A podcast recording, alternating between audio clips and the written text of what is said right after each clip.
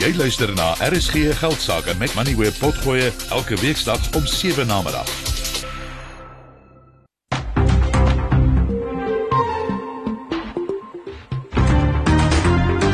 Jy luister na RSG Geldsaake, jou betroubare bron vir sake en beleggingsinsigte. Hierdie program word aan jou gebring deur Absa. Jy kan aanlyn na Absa skuif en 'n Business Evolve rekening oopmaak. Goeienaand en welkom. Ek is Tinus die Jager in vanaand se program. Aandele op die JSE sak vandag terug. Ons sal selfs net hierna met Amelia Morgenrood van PSG die klen hieroor. Dan reageer Dawie Rood op die parlementsopeningsrede gister en ons gesels spesifiek oor die geld wat betrokke is om die beloftes na te kom. Die bank ombudsman waarsku dat hoë rentekoerse gaan begin knyp en ek gesels met Triana Stein oor die probleme wat sy sien en die oplossings wat sy dalk kan voorstel. Dis Vrydag aand so ons antwoord luisteraars vra onder meer oor die petrolprys en Sasol Wilhelm Hertzog antwoord die vrae hier rondom. En dan saam met Amelia help Etienne Oosthuizen van Alex Forbes met luisteraars vra. Stuur gerus jou vraag per SMS na 45889 of stuur vir my 'n e e-pos by tinus@moneyweb.co.za. Maar hier is eers 'n kykie na wat vandag op die markte gebeur het. Die indeks vir alle aandele sak 1,3% na 78985 punte. Hulpbronne sak 2 en 'n kwart persent. Industriële aandele 2/3 van 'n persent en finansiële aandele 1 en 'n 3 kwart persent. Metale en mynbou aandele is 2 en 'n half persent laer. Die goudprys sak 0,15% nou en verkoop teen 1863 dollar per fyn ons. In rand is dit 33350 rand. Brent olie verkoop teen 85 dollar en 94 sent en platinum sak so 1,3% na 965 dollar. 'n Dollar kos R17.88 'n Britse pond R21.66 en 'n euro staan nou op R19.14. Die opbrengs op die R186 Suid-Afrikaanse staatsefek is 8,35% op die R209 staan dit nou op 11,03%. Vinnige kykie na die aandele wat goed gedoen het vandag. HCL styg 2.5% na R175.99. British American Tobacco is 2.3% op na R660.12 en Sasol styg 1.6% na R299.50. Die Absa groep sak net meer as 5% na R188.93. Exxaro net meer as 4% laer op R203 en Hammerson sak amper 4% na R6.33. 'n Bitcoin kos nou 21749 dollar of 394130 rand. 'n Ether kos 1538 dollar of 27808 rand. Amelia Morgenrood van PSG die klein sit hier langs my. Goeienaand Amelia, welkom hier in die ateljee. Die mark val maar so 'n bietjie terug vandag. Eers mm -hmm. saam met oorsese markte, Asië was laer vanoggend, Europa was laer vandag, vanmiddag maar die Amerikaners maak so 'n bietjie positief oop. Ja, daar's 'n um, ehm, bietjie van 'n worsteling in die markte om duidelikheid te kry oor die toekomspad van rentekoerse en inflasie tennis. Ehm um, nou goed sedert die begin van die jaar lyk dit asof ehm um, vir al die spekulante in die markte hulle self geposisioneer het dat sentrale banke dalk gouer rentekoerse gaan uh, ophou om rentekoerse ehm um, te te laat styg um, en dat die ekonomie baie relatief sterk is en dat dit 'n sagte landing sal wees en dat daar nie 'n baie groot weet dat resessie nie so groot probleem gaan wees nie. Maar soos wat dit die tyd aanstap, ons het nou sterk loopie in die markte gesien. So nou moet jy daar's twee goed om nou te onthou. Aan die een kant is dit dat markte kan nie net in een rigting gaan, net op nie. So soms benodig hulle weer een of ander iets om net weer bietjie te konsolideer en water te trap. So dis eintlik die idee wat ek kry. Daar was nogal 'n sterk loopie in al die markte in die wêreld, veral ook in Asië, die weet um, opkomende markte, veral ook Suid-Afrika, Amerika oralste. So nou lyk dit asof die sentiment so klein bietjie verander en mense nou bietjie weer begin fokus op meer negatiewe nuus. Ehm um, en daar's ook 'n ek daar's verder ook 'n besef by almal dat dit gaan dalk nie heeltemal so 100% so goed in Amerika as wat almal dink nie. Baie van die tegnologie maatskappye se resultate het 'n bietjie teleurgestel. Daar's baie afleggings wat plaasvind. Daar's dit daar's bietjie bekommernis oor die winsmarges van maatskappye of dit volhoubaar is op die huidige vlakke. En ehm um, en wat gaan die verdere effek van nog rentekoersverhogings wees op die op die oomblik prys die mark in dat rentekoerse in Amerika hier rondom 5.15% gaan draai. Weet voorheen was dit meer na meer soos 5% wat hulle verwag het. So daar's dit is heeltyd tik dit nou so klein bietjie op. En dit gaan maar net sleg wees vir maatskappy winste teen. So ek dink dis maar al hierdie goed wat so bietjie uh, mal in in die in die um, in markspelers se koppe. So jy het nou gesels oor Amerika Verlede week is aangekondig dat daar meer as 500 000 nuwe werke mm. geskep is. Vanmiddag kom die werkloosheidssyfers in. Die voorspelling was 189 000.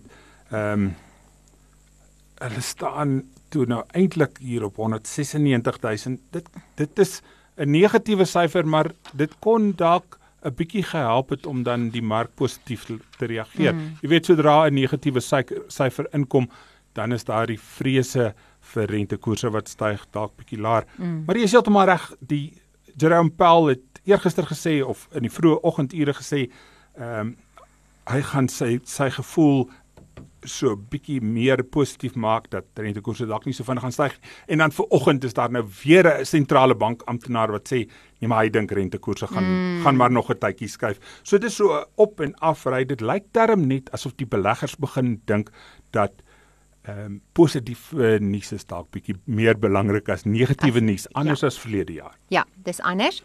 En ek dink Tinus die die feit dat rentekoerse in Amerika lyk asof dit nou nog bietjie meer gaan styg as wat almal verwag omdat hulle ekonomiese sy hulle ekonomie lyk eintlik relatief sterk. Daai syfers wat jy nou gepraat het wat verlede week uitgereik is.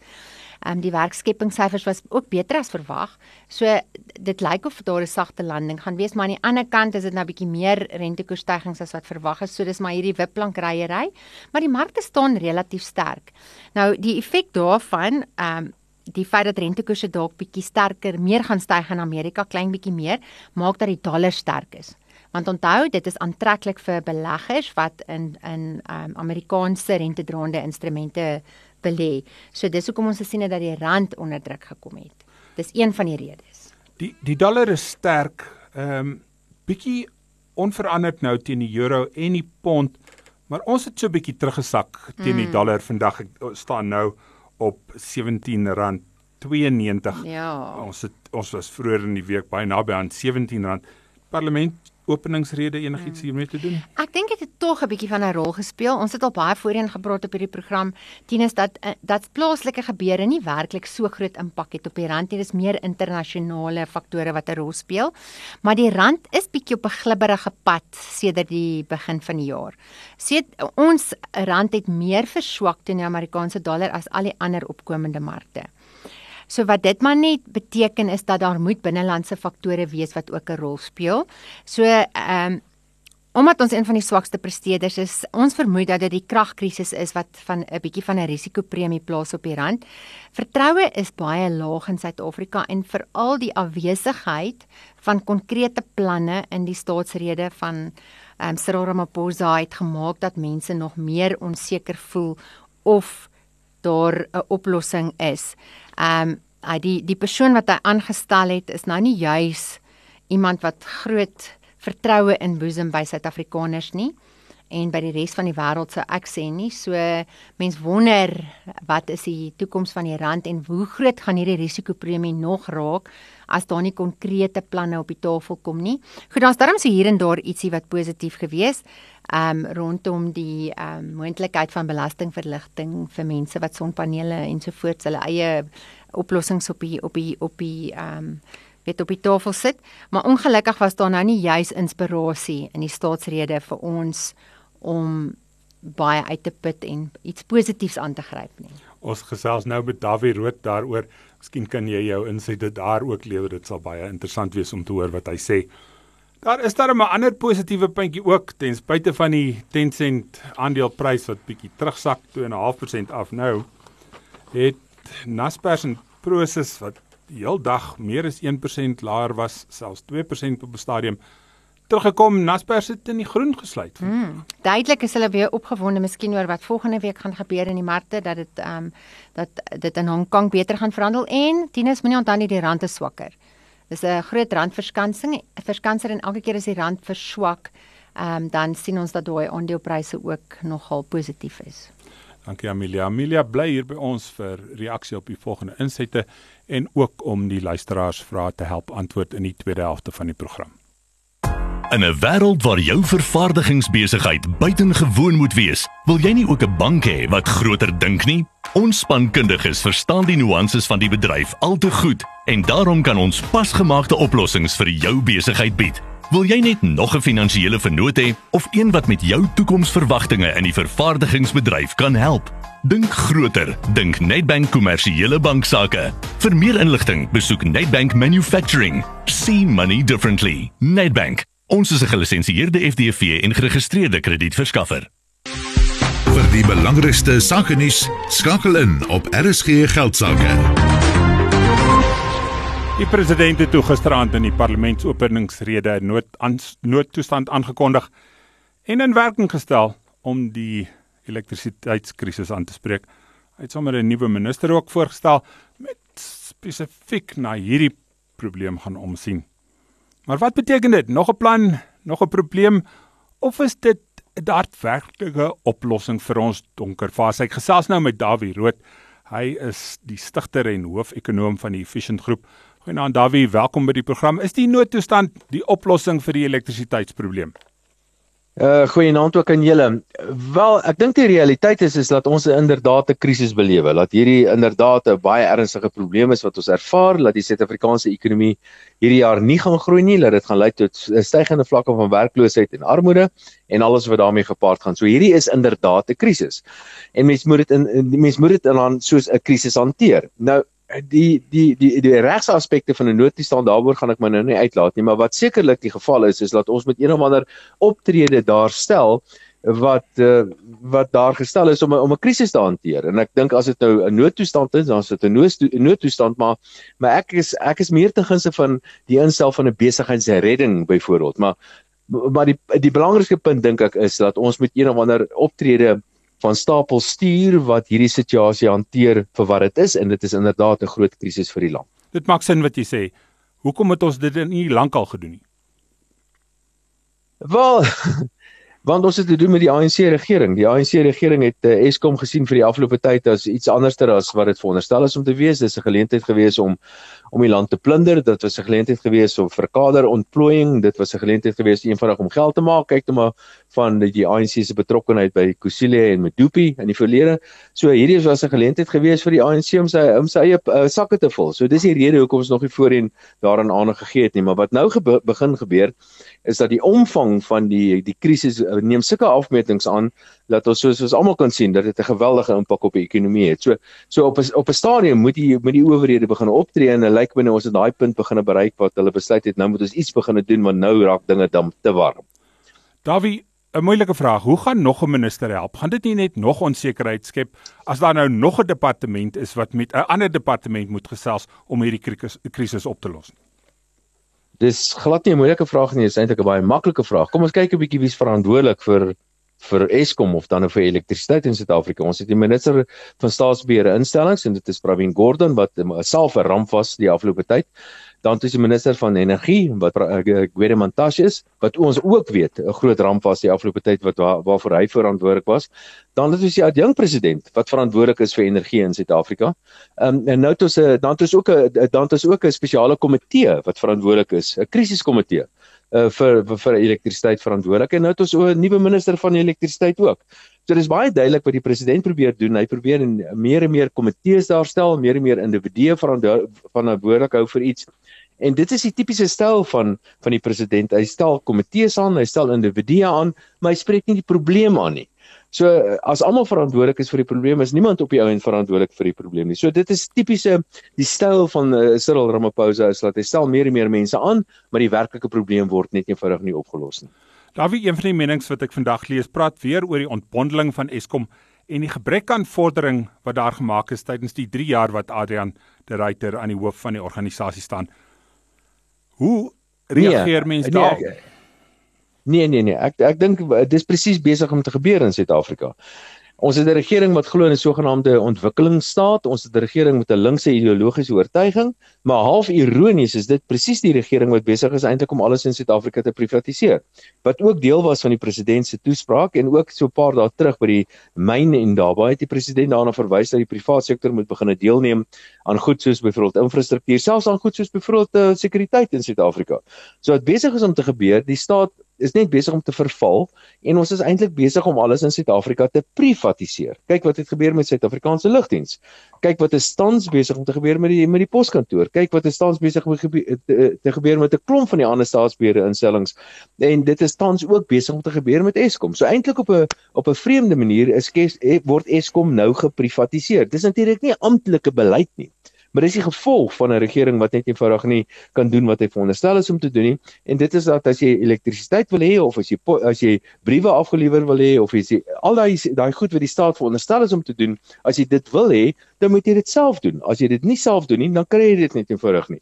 En dis die uiteinde van Eskom. Eskom gaan dieselfde paadjie loop as Suid-Afrikaanse lugdiens en Eskom gaan dieselfde paadjie loop as wat die poskantoor tans besig is om te loop. Daar wie is dit noodwendig 'n slegte ding dat jy dit maar self doen nee Nee, natuurlik is dit nie 'n slegte ding nie. Dit skep die wonderlikste geleentheid vir die private sektor. Daar's hoeveel mense wat betrokke is in pakkies af te lewer, byvoorbeeld, maar die poskantoor doen nie hulle werk nie. Daar's hoeveel mense wat betrokke is in private sekuriteit, want die polisie doen nie hulle werk nie, byvoorbeeld. Ongelukkig is dit egter so dat uh, die staat is veronderstel om hierdie tipe van goed te doen. Die staat skop en skree en verhoed die private sektor om dit te doen, soos wat Gori Montas hoeveel keer al gedoen het byvoorbeeld om te verhoed dat die private sektor hulle eie krag opwek, maar uiteindelik moet hulle bes gee en uiteindelik moet hulle die private sektor toelaat om dit te doen. En dit kos natuurlik geld en dit kos natuurlik moeite en dit is hulle gaan gegaan gepaard met 'n klomp wrywing in die proses. Maar uiteindelik skep dit geleenthede vir die private sektor. So ja, dis 'n duur proses, maar dit is sekerlik 'n proses wat uiteindelik lei tot baie geleenthede vir die private sektor.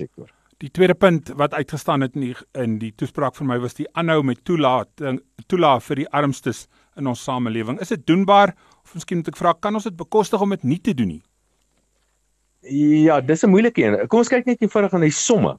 En dit is dat ons sit met 'n fiskale tekort in die omgewing van 5% van BBP. Ons staan sit met staatsskuld as jy nou die staatsbeheerde instellings se skuld bymekaar tel van so 80% van BBP. Nou hierdie tipe van syfers dui al reeds daarop dat dinge baie moeilik is om om hierdie om hierdie somme bymekaar te bring want uh, dis 'n klomp geld wat ons spandeer die staat se finansies kan dit net eenvoudig nie meer bekostig nie. Die ekonomie groei beswaarlik wat beteken jou belastinginkomste kom onder druk. Baie mense wat baie produktief is, is besig om die land te verlaat wat beteken jy verloor belastingbetalers. Aan die ander kant wees dit ons met baie hoë vlakke van werkloosheid en armoede in die land en jy kan nie mense toelaat om dood te gaan van die honger nie. Op die ouens sit ons vandag met in die omgewing van oor die 30 miljoen mense. Dit is amper die helfte van die bevolking van Suid-Afrika wat direk elke maand van die staat af 'n inkomste kry dit is 'n dilemma. Dit is net iets wat nie kan so kan voortgaan nie. Ek dink die uiteinde wat wat gaan gebeur is dat daai mense miskien nog steeds afhanklik bly van die staat, maar dit is onvermydelik dat in reële terme hulle inkomste gaan begin daal, behalwe as die ekonomie skielik begin groei, maar hulle inkomste gaan waarskynlik begin daal oor die volgende klompie jare en in die afgelope week het Tesorie al reeds daar uh, uh, uh, gewaarsku laat swak ekonomiese groei kan lei tot sosiale opstand. So ek is bevrees dit is ons voorland. Sosiale opstand, uh, publieke on, uh, ontevredenheid oor, oor die stand van die Suid-Afrikaanse ekonomie. So ja, kan ons dit bekostig? Suiwer van uit 'n monetêre oogpunt of van 'n finansiële oogpunt? Nee, ons kan nie. Kan ons dit nie bekostig nie? En sekerlik kan ons dit nie bekostig om aan te hou met te doen nie, want daar's nie so baie mense wat soveel uh armoede ervaar en en werkloosheid vlakke wat baie hoog is in die land. So dit is inderdaad 'n baie groot dilemma. Dankie Dawie, dit was Dawie Rood, hoofekonoom van die Efficient Groep. Familie, daar het vir jou uitgestaan in die toespraak gisteraand. Ehm um, kyk, al wat ek ehm um, tot die slotsom gekom het is dat hierdie sentralisering van mag wat Cyril Ramaphosa nou doen uh, met en hierdie ramptoestand laat meer vrae as antwoorde vir ons. Daar is niks konkreet nie. Ehm um, tot nou toe was die regering baie onsuksesvol. Daar wie het daai goed so opgenoem, elke liewe ding wat hulle mee onsuksesvol was daar was daar so op hierdie storm geen idees vir deurvoering van en wat uh, en oplossings nie. Um, en ek dink ek stem saam met Dawie. Ek, ek dink ook dit gaan maar dieselfde pad loop. Die private sektor gaan uiteindelik ander alternatiewe uh, vir ons bring. Die enigste probleem is net ons gaan daarvoor moet betaal. So ons gaan 'n parallelle ekonomie hê waar ons self vir alle dienste betaal waarvoor ons die belasting betaal. En ongelukkig as jy nie tevrede gaan wees daarmee hier in Suid-Afrika nie, dan weet ons almal wat is die enigste oplossing daarvoor. Um, en dis ongelukkig wat jong geskoolde mense doen is om die land te verlaat. Edward Kieswetter het hierdie week gesê in 'n webinar wat hy um, gespreek het dat die 6000 mense wat verlede jaar hoogsgeleerde mense wat die land verlaat het is nou nie vir hom so groot probleem nie. Maar hy het ook in dieselfde um, tydens dieselfde toespraak gewaarsku dat die belastinginkomste gaan laer as verwag wees hierdie jaar. En ons almal weet dat die 'n handjie vol belastingbetalers maar verantwoordelik is vir die grootste inkomste van die fiskus. Ja so dit is maar 'n glibberige pad waarop ons is dien is ons sal met ons eie oplossings bring Maatskappye wat soet koeldrank maak, teken ons om 'n wins te maak. Elke slukkie wat ons neem, stort suiker in ons liggame, wat ons siek maak en ons tande laat vrot. Ons het strenger wette nodig om ons te beskerm. Minder suiker, meer lewe. Gee jou ondersteuning WhatsApp 076 174 7999.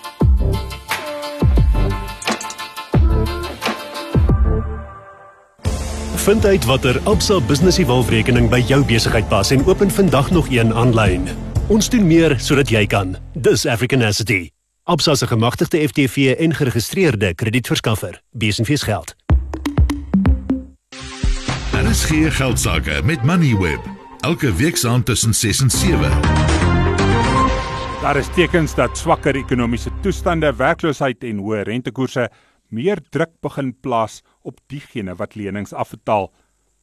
Rentekoerse het in November 2021 begin styg en ons is nou reeds 8 stygings later. Handelsbanke se prima koers staan op 10,75%. Die kantoor van die bankombudsman voorsien 'n probleem hier ons gesels met Riana Stein. Sy is die ombudsman vir bankdienste. Goeienaand Riana, welkom by die program. Hoe groot is die probleem wat jy voorsien? Wat is besig om te gebeur? Maantennis. Ehm um, ja, weet jy, ek dink nie die probleem wat ons voorsien is is iets wat uh, enige luisteraar daar buite nie in elk geval ook self kan kan uitdink nie. Ehm um, met die die rentekoerse wat aanhou styg. Ehm um, en ons verwag ek lees eh, hulle uh, verwag dalk nog een of selfs twee stygings hierdie jaar. Ehm um, en dan sal nou natuurlik jou jou petrolpryse en elektrisiteit en kos ehm um, en alles is duurder. En as mens al daai daai prentjie in ag neem, dan gaan ons bitter baie mense hê wat sukkel om hulle skuld af te betaal. En en as jy nie jou skuld kan betaal nie en jy het jou huis op skuld gekoop en jy het jou kar op skuld gekoop en jy het 'n klomp rekeninge. Ehm um, dan is daar weet dan gaan dit probleme veroorsaak. So Ehm um, ons ons wil probeer om vir mense te sê om voortydig stappe te neem. Maar ek dink dis dis wat ons bietjie oor kan gesels. So wat is hierdie stappe? Kom ons gesels daaroor. Wat kan mense doen op hierdie stadium? Weet jy wat ons vir weet in in weet enige iemand wat wat 'n goeie adviseur het, ek sal sal dieselfde advies kry dink ek. So in eerste plek moet jy, ek dink baie realisties, moet mense gaan kyk na hulle begrotings en hulle moet in ag neem van hierdie verdere stygings. So as hulle reeds begin geld leen of um, om hulle die maandelikse uitgawes te dek. Hulle leen geld om kos te koop. As jy elke maand jou kredietkaart hoor het, dan en, en ons het 'n nou verdere stygings wat ons in die gesig staar, dan dan is daar 'n probleem. So baie realisties gaan kyk na wat hulle huidige inkomste en uitgawes is en dan ook uh weet dit in uh ag neem wat gaan gebeur. Kom ons sê die volgende 12 maande. En as dit lyk asof jy nou reeds 'n probleem het, om dan stappe te neem, 'n nuwe begroting op te stel en af te skaal indien moontlik of dan nou natuurlik een van die ander de, ons het ons het 'n paar voorstelle wat mense kan doen. Ehm um, of weet jy moet jou finansiële adviseur gaan gaan raadpleeg. So gaan die, so, ons kan dalk weet jy na 'n paar voorstelle uh, kyk. Dis reg kan 'n mens na die bank kyk? Moet 'n mens met die bank gaan gesels as jy dan nou aan die bank geld skuld en en dit nie kan betaal nie, sal hulle bereid wees om te help? Ja, verseker, ons sal definitief voorstel dat mense wat sien hier is 'n probleem aan die kom, uh, met die bank gaan praat. Dit's definitief 'n goeie tyd om dit te doen terwyl jy nog um, 'n goeie kliënt is, uh, as ek dit so kan stel, iemand wat nog nie uh, weet sy rekeninge ophou betaal het en probeer weghardloop dit nie weet daar mense ons almal weet mense wat hulle antwoord nie die foon mee nie Ehm um, want hulle is bang dit is iemand wat hulle bel wat sê jy moet betaal. So dit as jy dit nie doen nie, jy gaan na die bank toe en jy sê hier is 'n probleem, hoe kan julle dit aanspreek? Ehm um, hulle kan vir jou dalk uh, jou lenings herstruktureer. Ehm um, en dit is 'n dis 'n baie besliste moontlikheid. Met ander woorde die lenings wat jy het of dit nou die huis of die kar uh, persoonlike lenings uh, kredietkaarte oor 'n langer tydperk sit as wat jy het. Ehm um, jy gaan bietjie meer betaal oor die totale tydperk, maar miskien uh, is dit die oplossing vir nou sodat jy al jou uitgawes kan betaal. Dis een moontlikheid. Jy kan jy kan ook gaan kyk na skuldkonsolidasie Uh dis baie keer is die rentekoers van daai gekonsolideerde skuldrekening 'n uh, deel wat laer as wat die ander was as jy 6 of 7 of 8 rekeninge gehad het en dit is makliker om te administreer en ehm um, weet jy net een rekening wat jy moet betaal dis maak dit vir mense baie maklik om jou begroting op te stel en daar's daar's ook skuldberading ehm um, weet daar is skuldberaders daar buite wat baie goeie werk doen en wat maandeliks honderde dalk selfs duisende kliënte help. So daar is opsies. Ehm um, en as jy met jou bank gaan praat betyds, uh, eerder as om stil te bly, niks te doen nie, te wag tot daar 'n groot probleem is en hulle vat miskien 'n vonnis en jy het vir 6 maande of 'n jaar nie betaal nie, dan is gaan hulle minder genee wees om jou te help. Rihanna, 'n klomp mense sit en hoop en wag dat rentekoerse dalk kan stabiliseer, nie meer hoër raak nie en selfs skandaal om hulle uit die moeilikheid te help. Is dit gegrond op enigiets sien jy dit gebeur in die nabye toekoms? En weet jy wat ek uh, wat ek sien wat hulle wat die slim mense sê uh, is dat dit nie hierdie jaar uh, gaan afkom nie en moet waar te sê verwag hulle dat dit nog bietjie gaan opgaan ehm um, so bietjie opgaan. Hulle sê nie dit gaan baie op opgaan nie en miskien eers in 24 ehm um, afkom. Maar nou intussen gaan al die ander goed ook op. So dis dis dis waar ons die probleem sien. So jou rentekoerse bietjie op, maar die kospryse ons almal weet wat gebeur met die kospryse en elektrisiteit en die petrol. Ehm um, so ja, as mense sê eers in uh, oor 'n jaar in 2024 gaan die rentekoerse afkom, uh, dis dis bietjie lank van nou af. Dankie. Om daarvoor te sit en wag. Dankie Rihanna, dit was Rihanna Stein. Sy is die ombudsman vir bankdienste. So kyk na opbrengste wat die mark klop terwyl jou kapitaal beskerm word, dan hoef jy nie verder as Lorium Capital se verskansingsfondse te kyk nie. Met 14 jaar se uitstekende prestasie, is dit tyd om weer na die diversifikasie van jou beleggingsportefeulje te kyk. Vir meer inligting oor een van Suid-Afrika se voorste verskansingsfondsbestuurders, gesels met jou finansiële raadgewer of besoek Lorium Capital by www.loriumcapital.com. Belê met die slim geld. Lorium Capital is 'n geregistreerde verskaffer van finansiële dienste. Vind uit watter Absa Business Evolve-rekening by jou besigheid pas en open vandag nog een aanlyn. Ons doen meer sodat jy kan. Dis African Asset. Absa se gemagtigde FTV en geregistreerde kredietverskaffer. Besenfees geld. Daar is geen geldsaake met Moneyweb, jou betroubare bron vir sakke en beleggingsinsigte. Dis Vrydag aand en ons antwoord luisteraars vrae. Vanaand se eerste vraag is gefokus op Sasol wat die week aangekondig het dat sy wesenswins per aandeel na verwagting met sowat 95% van R15.95 tot so net meer as R31 gaan styg. Die luisteraar wat homself voorstel as Jan Publiek verwys na ekstra belasting wat jare terug deur Suid-Afrikaners betaal is om Sasol te help om by been te kom en te bly. En nou trek Suid-Afrikaners amper geen voordeel uit die ontwikkeling tegnologie en brandstof wat daar vervaardig word nie. Ons het Sasol gevra vir reaksie, maar hulle is in 'n geslote tydperk en kan nie nou vra antwoord nie. Wilhelm Hertzog van Rosendal en Vennote is egter op die lyn. Welkom Wilhelm. Die luisteraar se eerste vraag is: Hoekom moet ons by ooreenkomste hou wat die brandstof wat Sasol vervaardig koppel aan internasionale pryse? Man, dis 'n vraag wat altyd ter sprake kom as pryse skielik dramaties styg of dramaties daal. Is hoekom moet dan nou afgeslaan word op ooreenkomste en regulasies van die verlede? Hoekom kan ons nie maar doen wat die beste en die maklikste is nou nie? Maar ek dink mense moet in gedagte hou dat vir 'n maatskappy soos Sasol om die kapitaal te belê wat nodig is om die infrastruktuur in die grond te sit en die verwerkingsaanlegte in plek te stel. Dit is astronomiese bedrae geld en daai tipe bates kan jy net bekostig om in te belê as jy sekerheid het oor hoe die prysmeganisme gaan werk in die langtermyn. So as jy aanvanklike onderneming van die regering gekry het dat 'n prysregime op 'n sekere manier in plek gestel gaan word en as daai regime of die regulasies dan skielik op 'n ingewing van die oomblik verander, as jy ent in die pad af is met jou projek en met jou bate en iewers in sy lewensyd, dan gaan dit baie ernstig nuwe kapasiteit en die besteding van kapitaal om nuwe kapasiteit of plaasvervangende kapasiteit in werking te stel ontmoedig. Maatskappye het daai sekerheid van prysmeganisme ten minste nodig, al het hulle nie noodwendig sekerheid van prys nie, want soos in Sasol se geval is pryse maar baie gekoppel aan internasionale oliepryse. Om die regime en die meganisme te verander na gelang van die gerief van die oomblik gaan die tipe omgewing skep wat ons eintlik tot 'n groot mate wel reeds in Suid-Afrika het, waar maatskappye soveel onsekerheid het oor regulasies en veranderinge rondom wetgewing dat hulle eenvoudig ontmoedig gaan word om te belê. So as 'n maatskappy weet sy prys gaan gekoppel wees aan internasionale kommoditeitspryse of die prys vir sy eindproduk, dan bou dit in sy modelle in en in die risikopremie wat hy wil verdien as hy die kapitaalbesteding aangaan. As hy weet hy het 'n gereguleerde vasgestelde prys, dan is dit 'n baie lae risiko projek. Dan kan hy bekostig om meer te belê en 'n laer opbrengs te verdien, maar hy weet dit is gewaarborg. Dit is eintlik om daai langtermyn sekerheid en omgewing te skep waar maatskappye die vrymoedigheid het om te belê dat ons as land en as ekonomie en as regering moet hou by ooreenkomste en ondernemings wat gegee is in die verlede.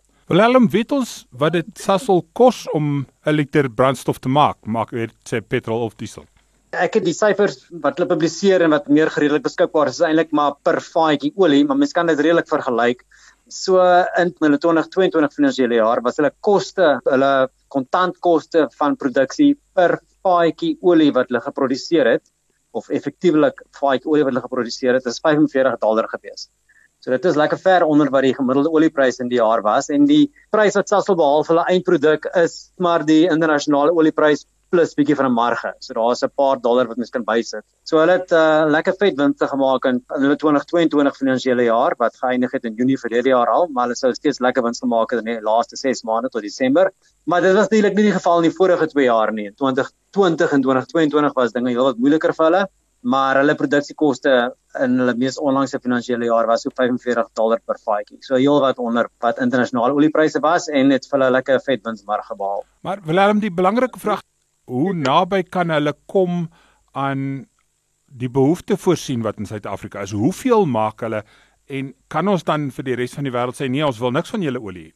Ek dink ons is ongelukkig nie in daai situasie nie. Nee. So as mens kyk na die Suid-Afrikaanse brandstof of verwerkte olie mark en brandstof en diesel en LPG verbruik en dis meer.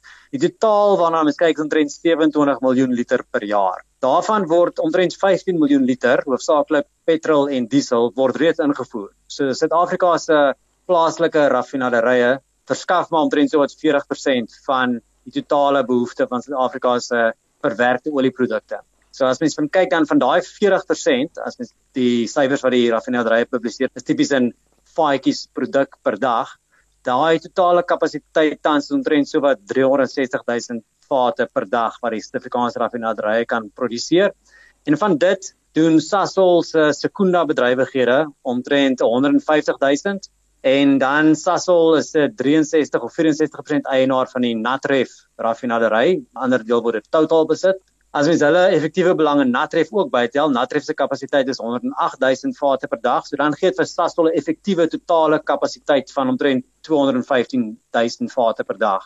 Dit is rofweg 40% van Suid-Afrika se totale plaaslike produksie of 45% en as mens kyk na die totale verbruik van verwerkte olieprodukte in Suid-Afrika, dan beteken dit Sasol verskaf sowat 25 of 26%. So Sasol is wesentlik in Suid-Afrika, maar ons kan ongetwyfeld nie sonder ingevoerde verwerkte produkte klaarkom gegee word die huidige stand van sake in die in die raffinerie industrie in Suid-Afrika nie. Velalem die tweede ding wat die luisteraar bekommer is gaspryse. Sasol het voorgestel dat pipeline gaspryse amper verdubbel van R68 na R134 per gigajoule. Dis seker die meetinstrument wat hulle daar gebruik. Eerstens beteken dit dat gaspryse vir die verbruiker gaan verdubbel as daar nou daar's 'n interdik om hierdie verhoging te stop as daardie interdik dan nou nie slaag nie. Jy moet net in gedagte hou dat die gas wat hier ter sprake is is industriële pipeline gas en dit is op die stadium grootliks die gas wat afkomstig is van Mosambiek se gasvelde en wat Sasol dan per pipeline vervoer na weet na industriële areas van Suid-Afrika. So die gebruikers van daai gas is nie Jan publiek nie. Dit is groot industriële maatskappye met hoogoonde waarin metaal gesmelt word, waarin glas vervaardig word en dis meer. So dis nie die gas wat verbruikers in hulle stoof gebruik om kos te kook nie. So die prysmeganisme is ter sprake is bietjie anders. Die gas wat huishoudelike gebruikers gebruik is LPG of uh, vloeibare petroleumgas en dis afkomstig van die raffineringsproses. Die aardgas wat Sasol per pipeline vervoer, dit word letterlik uit die aarde uit gepomp of eintlik nie gepomp nie, dit vloei uit die aarde uit en word gevang in pipeline en dan vervoer na verbruikers toe. So dit is twee verskillende markte. Mens moenie die twee markte verwar nie. Maar ja, vir industriële gebruikers beteken dit die prys sal verdubbel en jy gaan dit nie direk op dag 1 in jou sak voel as verbruiker nie, maar dit beteken dat insetkoste van kom ons sê produkte soos glasbottels of metaal verwerkte metaalprodukte word hoër en om 'n wins te maak op daai produk gaan die vervaardigers daarvan dan hulle pryse moet opskryf en op die ou end gaan die man in die straat ook in sy sak voel ja maar die LPG prys word gereguleer en is nie direk gekoppel aan die aardgasprys wat hier ter sprake is nie. So wat is die rede dat Sasol aanvoer? Hoekom wil hulle so groot sprong daarin hê? Gaan dit oor die aanbod en aanvraag in die oorlog tussen Rusland en die Oekraïne? Wel ja, as mens kyk na globale pryse van aardgas het dramaties gestyg na aanvang van die oorlog in die Oekraïne en dit is grootliks gedryf deur groot kommer rondom die sekuriteit van aanbod van Russiese gas. Europa is baie afhanklik van gas van Rusland en uh op die rug hiervan het aardgaspryse wêreldwyd dramaties gestyg. So die prysmeganisme wat met Nersa ooreengekom is waaraan Sasol onderhewig is vir hulle aardgasverkope is gekoppel aan internasionale gaspryse en volgens die prysmeganisme is die stygings volgens die formule en volgens die meganisme is dit geregverdig. Uiteraard voel gebruikers van die gas dat hierdie dramatiese prysstygings niks te doen met omstandighede in Suid-Afrika nie en dit is heeltemal ongeoorloof vir SAS om soveel wins te maak met so 'n dramatiese prysstygings want hulle kostes het basies dieselfde gebly. Daar was inflasionêre druk in kostes, maar pipeline gas het nie vreeslik baie veranderlike kostes nie. So dit is grootliks 'n vaste koste tipe van proses. So hulle sal dramaties meer wins maak as hulle die prysstygings kan deurvoer. En die gebruikers voel dis nie geregverdig nie. Maar dit is die aard van kommuniteitsmarkte en dit sluit bietjie aan met my eerste punt dat ehm um, weet daar gaan ook tye wees waar daar miskien 'n ooraanbod van gas wêreldwyd is en dan gaan Sasol miskien weet verliese maak op sy gasbesigheid al het dit niks te doen met die vraag of aanbod van gas in die Mosambiekvelde en in Suid-Afrika nie. Dit is maar die aard van die van die besigheid. Baie dankie Willem, dit was Willem Hertzog van Rosendal en Vennote in Kaapstad. Kan ek 'n besigheidsrekening kry wat by my besigheid pas? Met Absa kan ek. Absa se Business Evolve rekeninge bied 'n verskeidenheid buigsame opsies vir besighede van verskeie groottes. Elke pakket bied gratis toegang tot aanlyn bankdienste, 'n spaarsakkie en cashflow manager, 'n geïntegreerde rekeningkunde hulpmiddel wat jou help om op hoogte van finansies en meer te bly. Dis 'n oplossing wat saam met my besigheid groei. Vind uit watter Absa Business Evolve rekening by jou besigheid pas en open vandag nog een aanlyn. Ons doen meer sodat jy kan. Dis African Asset. Absa se gemagtigde FTV en geregistreerde kredietverskaffer. Besenfees geld. Besoek RSG Geldsaake se Facebookblad en kom ons gesels. Dis 10 voor 7 Amelia Morgenrood is nog steeds hier saam met my in die ateljee. Sy word vanaand bygestaan deur Etienne Besuidnout, finansiële raadgewer van Alex Fop. Goeienaand Etienne, dis goed om met jou ook te gesels. As ons dalk by jou kan begin, Johan uit Kaapstad sê beleggers het verlede jaar die wind van voorgehad met aandelepryse, maar dit lyk daarom asof die wind nou so 'n bietjie gedraai het. Sy eerste vraag is of jou advies aan kliënte oor hulle beleggings dan nou ook verander het en hoe belangrik is dit om te reageer in hierdie veranderlike tye en dan daaroor met jou raadgewer te gesels.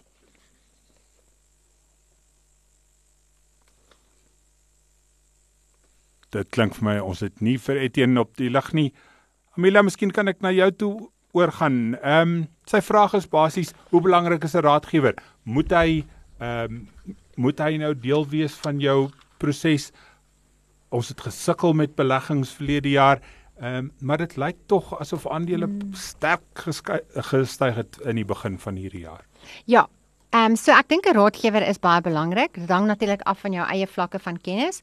Dis soos ek wat Amelia is, ehm um, as ek nou probeer om self my motor te diens, gaan dit 'n totale ramp wees want ek weet van motor en engines baie min. Ehm um, so eintlik niks. So dit sal nou 'n ramp wees as ek dit self probeer doen, maar kom ons sê dit was my belangstelling en ek het bietjie aandag daaraan gegee en ek het bygestaan by mense wat byvoorbeeld olie aftap of sweets en dan sal ek nou 'n belangstelling vir dit ontwikkel en dan sal ek dit self kan doen. Daar is tog mense wat dit self kan doen. So is dit ook met beleggings. As jy 'n belangstelling daarvoor het, dit is nie so kompleks nie. As jy wil, kan jy dit maklik bemeester en daar's soveel inligting beskikbaar op die internet dat jy sal dit self kan doen. Maar dit is nie in almal se krol nie, so dit is nie almal se belangstellingsveld nie. So dit is waar die probleem inkom. So dan raak dit moeiliker om dit self te doen. Soos ek sê, inligting is vrylik beskikbaar. Jou probleem is net om te sif deur hierdie inligting en te kan toepas wat jy daaruit kan haal. Dis waar jou eerste probleem is. En aandele wat styg beteken nie noodwendig dis 'n goeie tyd om te koop nie. Dit dis dalk 'n goeie tyd om reeds te gekoop het voor dit begin styg. Ja, so dis baie moeilik om baie kere sal mense sê maar goed, 'n maatskappy is goed en daardie produk wat hulle het is baie goed. Maar jy moet gaan kyk na wat is die prys wat jy betaal daarvoor. Hoeveel jaar se verdienste is ingesluit by die prys wat jy nou betaal is byvoorbeeld 'n maatstaf wat jy kan gebruik. So daar's 'n magte om verskillende maatstawwe. So dis baie maklik om te verstaan dat kom ons sê Checkers Shoprite is 'n baie goeie maatskappy en hulle hou aan om hulle hulle markandeel uit te brei en hulle groei elke jaar. Maar wat is die prys wat jy betaal? So op die oomblik dink ek die die aandeel word bietjie beskou as redelik oorgewaardeer. Sy aandelepryse het vreeslik baie gestyg in die laaste jaar of twee. So om die waarheid te sê, daar's analiste wat 'n verkoopaanbeveling het op die maatskappy. Alhoewel hy fantasties is en wonderlike resultate elke keer bring as hulle rapporteer. So dit hang af wat is die prys en hoeveel het hy gestyg en wat is die waardasie vlak van dit wat jy nou koop. Johan se volgende vraag is en ons is ook verlede week hier aan geraak hoe raak die stygende rentekoerse en die dalende rand sy belegging. Sy vra of dit nou 'n goeie tyd is om in 'n beursverhandelde fonds wat dalk meer na die buiteland kyk te belê of selfs sy geld in 'n in 'n bank te sit met die hoë rentekoerse. Goed, so om Johan se vraag te beantwoord is baie moeilik want hy wil iets weet oor die toekoms. Dis bykans onmoontlik. So al wat jy het om mee te werk is die verlede. Nie een van ons weet wat die toekoms inhou nie. Ons almal weet die rand hou aan, hou aan om te verswak, so dit kan nie noodwendig sleg wees om iets in die buiteland te belê nie. Um ek het toevallig bietjie geworstel met die rand hierdie laaste ruk en 'n paar weke gelede uh, nog al 'n redelike intense studie gaan doen wat die rand gedoen het oor verskillende termyne in die verlede. En dit was 'n baie interessante prentjie tennis. So as jy gaan kyk na enige periode behalwe die laaste jaar 1 jaar, 2 jaar, 5 jaar, 10 jaar, 15, 20, 30, 40 en 50 jaar het ek gaan kyk. Is die rand se gemiddelde verswakking altyd tussen 6 en 7% per jaar gemiddeld. Onthou sekere jare kan hy baie verswak, en hy dan kan hy vir jare lank niks doen nie. Onthou daar was nou 'n lang periode wat die rand mos nie veel gedoen het nie, nou te weer verswak. So gemiddeld het hy verswak tussen 6 en 7%. So ons weet nie wat in die toekoms gaan gebeur nie. Gaan dit nog steeds so aanhou? Dan weet ons in die verlede het die Amerikaanse mark gemiddeld tussen 4 en 6% gestyg oor die langtermyn. So sit nou daar by 6 + 4, dan kry jy 10%. So dis min of meer wat jy kan verwag in die langtermyn. Maar ons weet nie wat die rand in is. Ons weet die Amerikaanse mark gaan waarskynlik altyd daai tipe vlakke hou want dit is 'n ontwikkelde mark en is 'n redelike sterk ekonomie. Dis waarskynlik. Die waarskynlikheid van die rand se verswakking teenoor die Amerikaanse dollar weet ons nie. Ons weet nie wat dit inhou nie.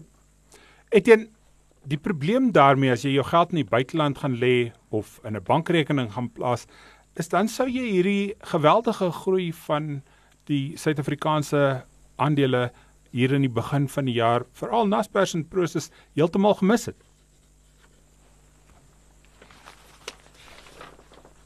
Lyk my Etienne is nou heeltemal weg. Etienne, is jy daar? Kan jy my hoor? Ja, skus man, lyk my daar was 'n bietjie tegnologie probleme gewees. Ja, wat het gebeur, maar moet ek die vraag herhaal? Ja, ek kon daarom jou vraag hoor. Dit lyk my meer die mikrofoon storieetjie wat uh, vasgehake daar. Maar ja, dis die vraag oor Naspers en Prosus wat jy daarso gevra het. Dis reg. ja, kyk, ons het oor die laaste jaar ehm um, lekker stygings gehad in rentekoerse. Uit beleggersoogpunt natuurlik. Mense wat skuld het soos uh, vroeër genoem is, is dit nou nie so aangenaam nie. Maar ehm um, My beleggingsstrategie het nie verander omdat daar korttermyn veranderinge was in rentekoerse of markbewegings nie. Mens moet 'n goed gediversifiseerde portefeulje bou. En as dit die geval is, dan sou jy steeds voordeel getrek het uit die groei van Naspers en Prosus. Ek sal glad nie voorstel dat mense omdat rentekoers nou skielik opgegaan het, al hulle geld daai kant gaan sit nie want inflasie gaan oor die lang termyn nog steeds vir jou raak kry. Jy gaan agterraak op 'n stadium. So mense moet maar 'n bietjie daai risiko vat en 'n slegte jaar soos laas jaar beleef om dan die goeie tye van wat onlangs nou gewys is op sekere aandele ook meer te kan indeel.